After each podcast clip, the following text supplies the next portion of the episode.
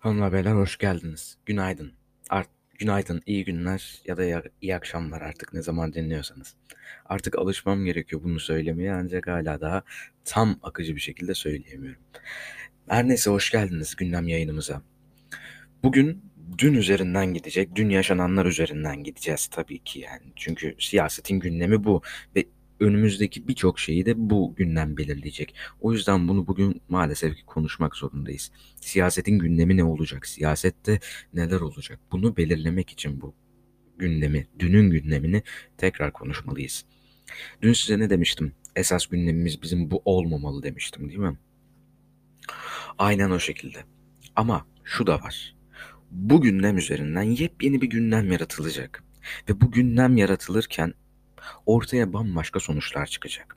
Bu sorun, bu sonuçlara, bu sonuçların bizim için sürpriz olmaması için aptal aptal bakmamak için bugün bunu konuşmak zorundayız. Bugünden bunu konuşmak zorundayız. Önümüzdeki günlere, önümüzdeki günlerde ne olacak? Bunları oturtmak, bunları hazırlıklı olmak zorundayız. Şaşırmamak için. Bugün dediğim gibi dün üzerinden giden bir gündem yayınımız olacak tabii ki. Günün ikinci yarısında size çok güzel bir program hazırlayacağım. O da ayrıca size bir kültür katacak bir program olacak. Her neyse başlayalım evet. Şimdi dün de zaten bahsetmiştim. Siyasetin içinde olan olmayan Kadıköy İlçe Tarım Müdürlüğü bile bu adamlara darbe söyle, darbeci dedi. Suç duyurusunda bulunuldu. Bak, bakın şu var. Şöyle bir haber var. 81 ilde 910 dernek, 408 vakıf, 27 üniversite, 114 oda, 550 sendika, 46 federasyon, bazı emekli amirallerin bildirisine ilişkin suç duyurusunda bulundu. Siyasetin içinde olan olmayan haksız yere bu adamlara suç duyurusunda bulunuluyor. Bu adamların yaptığı şey tamamen bir talihsizlik eseridir. Dün de zaten defalarca belirttim. Tamamen bir talihsizlik eseri. Adamlar işte onlarda da birazcık mantık yokmuş. Bunu söylemek istiyorum yani. Mantık yokmuş. Mantıklı olan bir adam geçmişinde darbeler olan bir ülkede gece 11'de böyle bir açıklama yapmaz. Ve o açıklamaya da Yüce Türk milletine diye, ba- diye başlamaz. Ve üstenci bir dille yazmaz onu yani mantıklı olan adam yani gerçekten stratejik zekası olan adam böyle bir açıklamayı bu şekilde talihsizlikle yapmazdı. Ama yaptılar. Şafak operasyonuyla gözaltına alındı 10 tane amiral. Sonrasında akşama akşamına da ya 6'da falan Tayyip Erdoğan açıklama yaptı. İzlediniz mi, izlemediniz mi bilmiyorum ama yani tahmin ettiğimiz cümleleri söyledi. Zaten en önemli 3 tane 3 tane açıklaması vardı Tayyip Erdoğan'ın. İlki şu. Emekli amirallerin bildirisi ifade özgürlüğü değildir, kesinlikle art niyetli bir girişimdir. Yani suça niyet etmek de mi suç? Ya da nasıl söylesem durduk yere böyle bir şey konuşmak da mı suç? Bu mu? Bu mudur? İfade özgürlüğü dediğimiz şey nedir? Bunu bir değerlendirelim. Hı? Zaten başlığı da ifade özgürlüğü diye attım. Nedir ifade özgürlüğü? Yani Ayasofya imamının mantra hakkında bir şeyler söylemesi midir ifade özgürlüğü? Yoksa aptal saptal bir gazetecinin ismini ağzıma almak bile istemediğim bir gazetecinin ortaya çıkıp apır sapır konuşması mıdır ifade özgürlüğü? Yoksa alanı deniz olan bir adamın mantra hakkında düşüncelerini sadece düşüncelerini belirtmesi mi ifade özgürlüğüdür? Hangisi ifade özgürlüğüdür? Bak kendin söylüyorsun emekli amiral. Beylik tabancalarıyla mı darbe yapılacak? Darbe yapacak bu adamlar. Bastonlarıyla mı gidecekler? Askeriyenin içinde zaten hiçbir şekilde bu adamların bir şeyi kalmamıştır yani. Buna emin olabilirsiniz. Hiçbir şekilde kalmamıştır adamlar emekli. Ben buradan şunu izliyorum bakın. Bu gündemi bu yüzden aldım zaten. Türkiye'nin ileride gideceği yolu yani Doğu bloğuna mı Batı bloğuna mı yaklaşacağını bu amiraller olayı belirleyecek. Nasıl belirleyecek? Amirallerin içeriye atılması özellikle Mavi Vatan kavramının mucidi olan Cem Gürdeniz'in gözaltına alınması Doğu bloğundan kopuşun, kopuşu muslim geliyor. Mesela Milli Savunma Bakanlığı'nın Twitter hesabından NATO'nun kuruluşunu kutlaması batıya yaklaşıldığını mı gösteriyor? Ben böyle yorumluyorum bunları. Yani ileride önümüzdeki 10 yıl içerisinde Türkiye nereye yaklaşacak? Doğu bloğunda kalmaya devam edecek mi? Ki mantıklı olan iki, iki yere de eşit yaklaşmaktır. Yani ki Tayyip Erdoğan da şu anda onu yapıyor bence. Mesela emekli amirallerin Montreux hakkında bu sözlerinden sonra eleştirilerinden sonra içeriye atılması tamamen berbat bir durumdur. Berbat bir durumdur. Ama ama Amerika'ya da şu işareti veriyordur yani. Bakın Montreux tartışılmaz değil. Montreux tartışılabilir. Gereği, gereği geldiğin, yeri geldiğinde kaldırılabilir.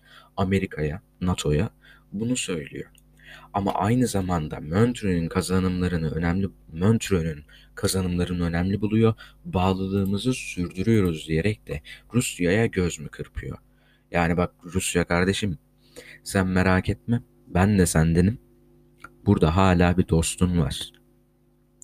Bunu mu demek istiyor? Ben de şunu da şunu demek istiyorum. Sıkıyorsa kaldırın ya. Gerçekten yani bahçeli ağzıyla konuşuyorum. Sıkıyorsa, yiyorsa, yetiyorsa kaldırın Montreux'u. Bakalım S-400'lere ne oluyor?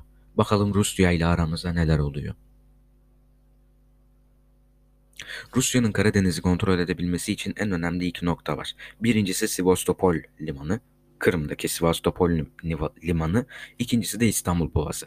Bu iki nokta arasında, arasında çok kolay bir şekilde e, yönetim ya da kontrol çok rahat bir şekilde yapılabiliyor. Bu çok açık. Bu yüzden Rusya'nın Kanal İstanbul'un yapılıp Montreux'un iptal edilmesine izin vereceğini hiçbir şekilde sanmıyorum ben. Hiçbir şekilde sanmıyorum. Yani Rusya ile bu kadar iyi Rusya ve Çin'le yani kısacası Doğu bloğuyla bu kadar çok yakınlaşan bir iktidarın Montreux'u tartışmaya açması normaldir ama bunu kaldırması hiç de öngörülebilir bir şey değildir. Tartışmaya açar, Amerika'ya göz, göz kırpar ama kaldıramaz. Bunu çok net bir şekilde söyleyebilirim. Bu zaten kayıt altına alınıyor. Yarın bir gün eğer kaldırılırsa hatırlatırsınız. Kaldırılamayacak. Kaldırılamaz. Bunu üzerine basarak söylemek istiyorum. Montreux kaldırılamaz. Kanal İstanbul yapılamaz. Ha sıkıyorsa yapın. Rusya ile ilişkilerin ne hale geleceğini hep beraber görelim. Sıkıyorsa yapın. Tayyip Erdoğan dün şöyle ilginç bir açıklama daha yaptı. Kanal İstanbul'a karşı çıkanlar Atatürk ve Cumhuriyet düşmanıdır. Çok yakın zamanda Kanal İstanbul projesinin yapmanın çok mantıksız olduğunu kendisi söyleyecek tamamen mantıksız bir açık, mantıksız bir projeydi diyecek. Ya da erteleme kararı alınacak bir şekilde. Ya da bakanlık onay vermeyecek sonra bakan görevden alınacak falan. Bunların hepsinin yaşanacağını biz biliyoruz. Ya da bir anda seçime gidilecek. Proje falan hep unutulacak. Kanal İstanbul projesi falan unutulacak. Yani gündemi değiştirme hallerini yani ısrarla Türkiye'nin gerçek sorunlarını ve bu sorunların nedenlerini konuşmamak konuşmak yerine ısrarla Kanal İstanbul Montreux tartışmaya açılıyor. İşte Kanal İstanbul yapılacağız, yapılacak deniyor. Bunların hepsi gündem değiştirme mevzusu. Bunu anlamak çok basit. Atatürk'ten ve Cumhuriyet'ten dem vurmak da işte bunun başka bir parçası. Ha ne diyoruz buna da yani ne alaka kardeşim? Atatürk'lü, Atatürk'le ve Cumhuriyet'le ne alakası var bunun? Ne alakası var? Ama son sarılabilecek son demleri bunlar. Öyle söyleyeyim yani size. Sarılabilecek son kısımları Atatürk ve Cumhuriyet. Şu anda medet umabileceği tek yer Atatürk ve Cumhuriyet. Yani kim inanır? Kadir inanır. Yargıtay bildiri açıklaması yaptı. Kabul edilemez dedi. Bir televizyon kanalına çık televizyon kanalına çıktı. Yargıtay Başsavcı Başkanı çıktı dedi ki kabul edilemez. Bu bildiri kabul edilemez. Sayın Mehmet Köksal, Profesör Doktor hukukçu Mehmet Gök Mehmet Köksal şöyle dedi ki sonuna kadar katılıyorum. Yargıtay'ın bu açıklaması hukuk adına çok tehlikeli ve utanç vericidir. Demek ki Yargıtay dahil tüm yargı kurumları yargılamadan kararlarını vermişler.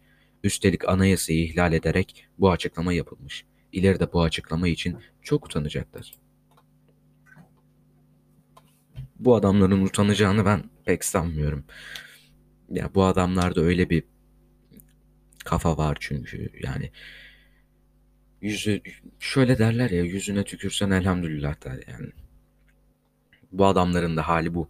Yarın bir gün iktidar değiştiğinde bu adamlar utanmayacaklar. Bu adamlar bir anda yön değiştirecekler. Perde gibi rüzgar nereden eserse.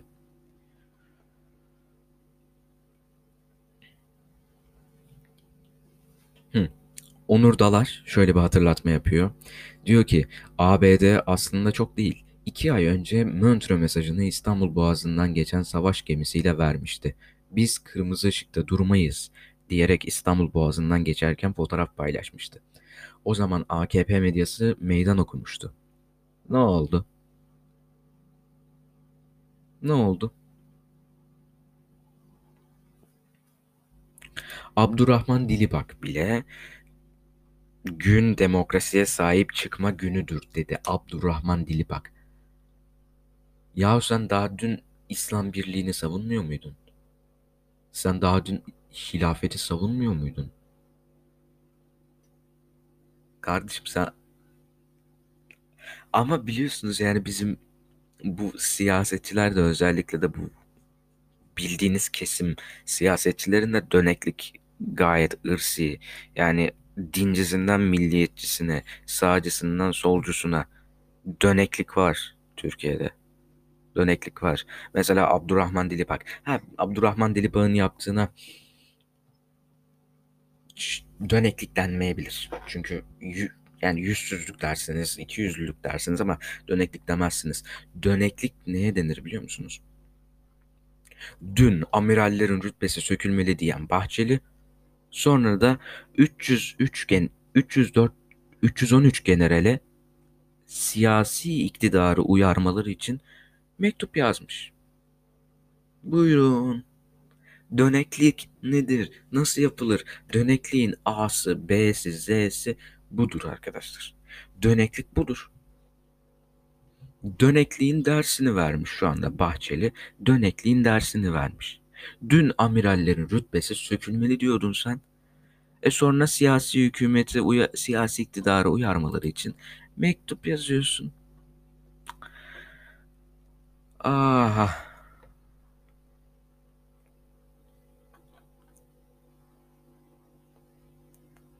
2 Ağustos 2004'te yazmış bu mektubu. 2 Ağustos 2004 bak. Yani şey anlamayın. Dün bunu dedi, bugün bunu diyor. Onu anlamayın. 2004'te bak. Kaç sene geçmiş üzerinden. 17 sene. 17 sene öncesinde 313 generale uyarı yap mektubunu yazmış Bahçeli. Hürriyet gazetesi de bunu vermiş. Hürriyet gazetesi bu haberi vermiş. Bugün ne diyor Bahçeli? Amirallerin rütbesi sökülmeli diyor. Pardon mikrofonu vurdum. Yani bu Bahçeli. Buna alıştık artık. Buna artık alıştık. Mustafa Armağan Diyor ki Montreux bal gibi feshedilir. Önünde bir engel yok. Topunuz gelin. Feshetsene. Allah aşkına bir feshet ya. Bir feshet bakalım ne oluyor yani. Ne oluyor Allah aşkına bak. S-400'lere ne oluyor? Bir anda ne oluyor onlara? Rusya ile ilişkiler ne oluyor? Bakalım Kafkasya'dan neler oluyor? Si Samsun limanına pardon. Sinop limanına neler oluyor bakalım. Bir iptal etsem bir Montreux'u. Neler oluyor? Bir bak. Ahmet Hakan şöyle diyor ki Amirallere açılan soruşturma demokrasinin kendisini korumasıdır. Hayır, ifade özgürlüğünü yok saymanın A'sıdır, B'sidir.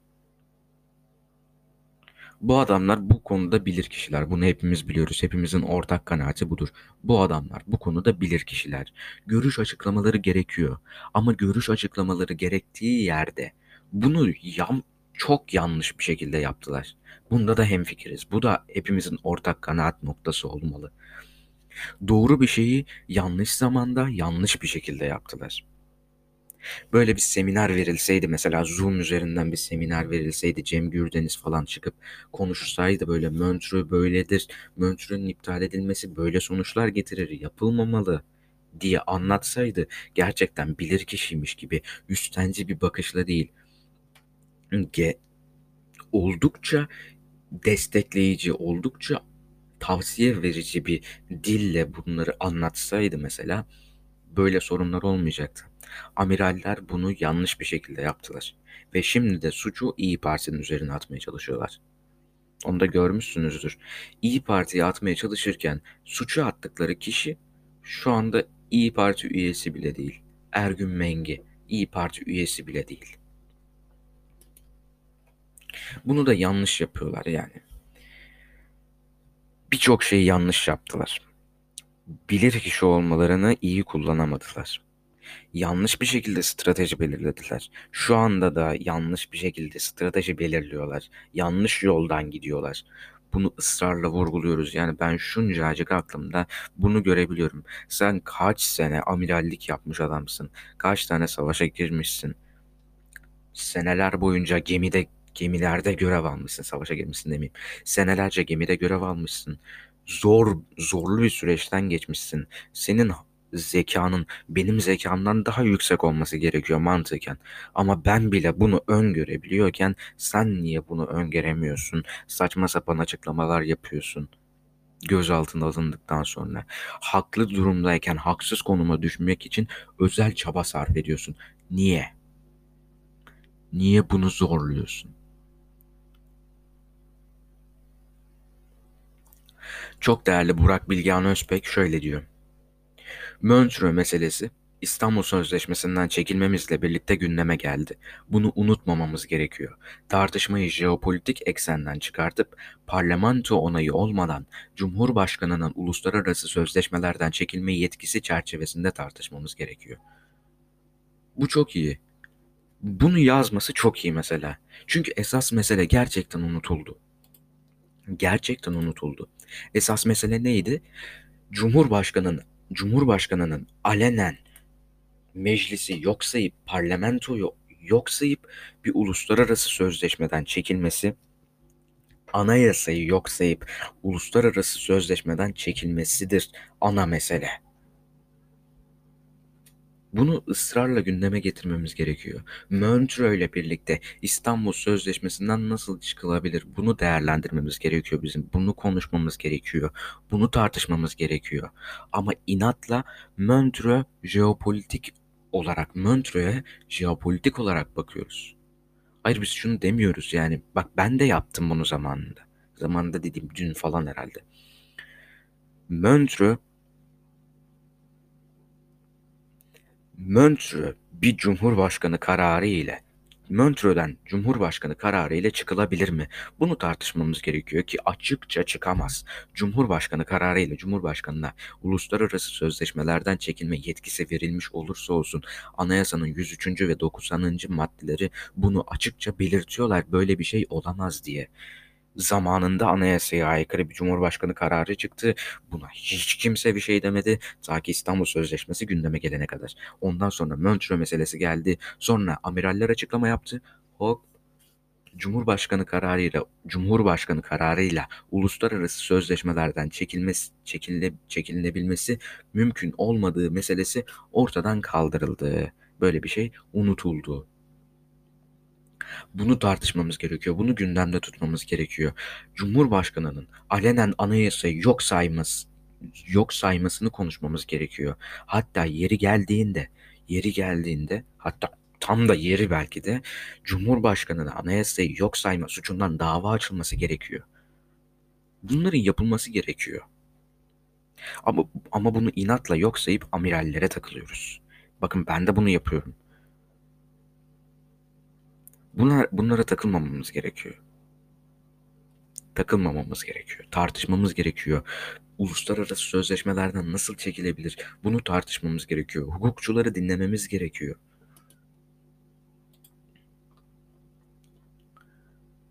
Özkök. Adını bilmiyorum ben bu adamın. Özkök. Soyadını biliyorum. Ertuğrul Özkök. Aynen. Ahmet Hakan'ın yandaşıymış. Evet. Şöyle diyor emekli amirallere. Artık doğalgaz faturalarınıza bile imzayı eşleriniz atsın. Doğalgaz faturasına imza? Ne diyorsun sen? Ne diyorsun sen ya? Ne demeye çalışıyorsun? Saçma sapan bir açıklama. Bunun üzerinde durmaya bile gerek yok. Ben sadece bunu aldım. Bunu size okudum. Neden? Dalga geçin bu herifle diye. Çok o kadar mantıksız bir açıklama ki çünkü yani.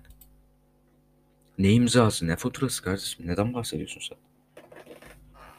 Her neyse bugün de gündemimiz bu kadardı. Anladığınız üzere. Bugün ifade özgürlüğü üzerinden kimin konuşma hakkı vardır, kimin konuşma hakkı yoktur bunu şöyle bir değerlendirdik. Neyi konuşmamız gerekiyor bunu değerlendirdik. Bugün söylediklerim, söylediğim her şeyin ifade özgürlüğü kapsamında değerlendirdiğine ben eminim. Ama Tayyip Erdoğan sırf canı istediği için alakasız bir maddeden TCK 316'dan ne ne ilgisi var bil, bilinmiyor ama TCK 316'dan işte amirallere dava açıldı. Ne alakası var hiçbir fikrim yok. Bana da aynısı olabilir diyorum. Yani çünkü kafasına göre ifade özgürlüğünün sınırlarını belirleyen bir adam var karşımızda. Benim de bugün söylediklerim ifade özgürlüğü kapsamı dışında değerlendirilebilir bu adam tarafından. Ama ben tamamen ifade özgürlüğü kapsamında hukuka, hukuka ve terbiyeye uygun konuştuğumu düşünüyorum. Yani adamına göre terbiye kavramı vardır ya işte o. İfade özgürlüğü kapsamında konuştuğumu ve öyle değerlendirilmesi gerektiğini savunuyorum. Böyle de düşünüyorum zaten. Konuşmaktan hiçbir zaman çekinmeyin. Bir şey değiştirmeyecek nasıl olsa. Niye konuşuyoruz? Niye boşuna konuşuyoruz? Hiçbir şekilde hiçbir zaman de, demeyin bunu. Elinizden geldiğince, elinizden gelen her zaman, mümkün olan her zaman, mümkün olan her şekilde konuşun. Eyleme geçin. Bunu istediğiniz şekilde yapın. Yeter ki eyleme geçin. Yanınızdaki bir kişiyi bile ikna etseniz bu sizin için ve ülke için kardır. Doğruyu bilin.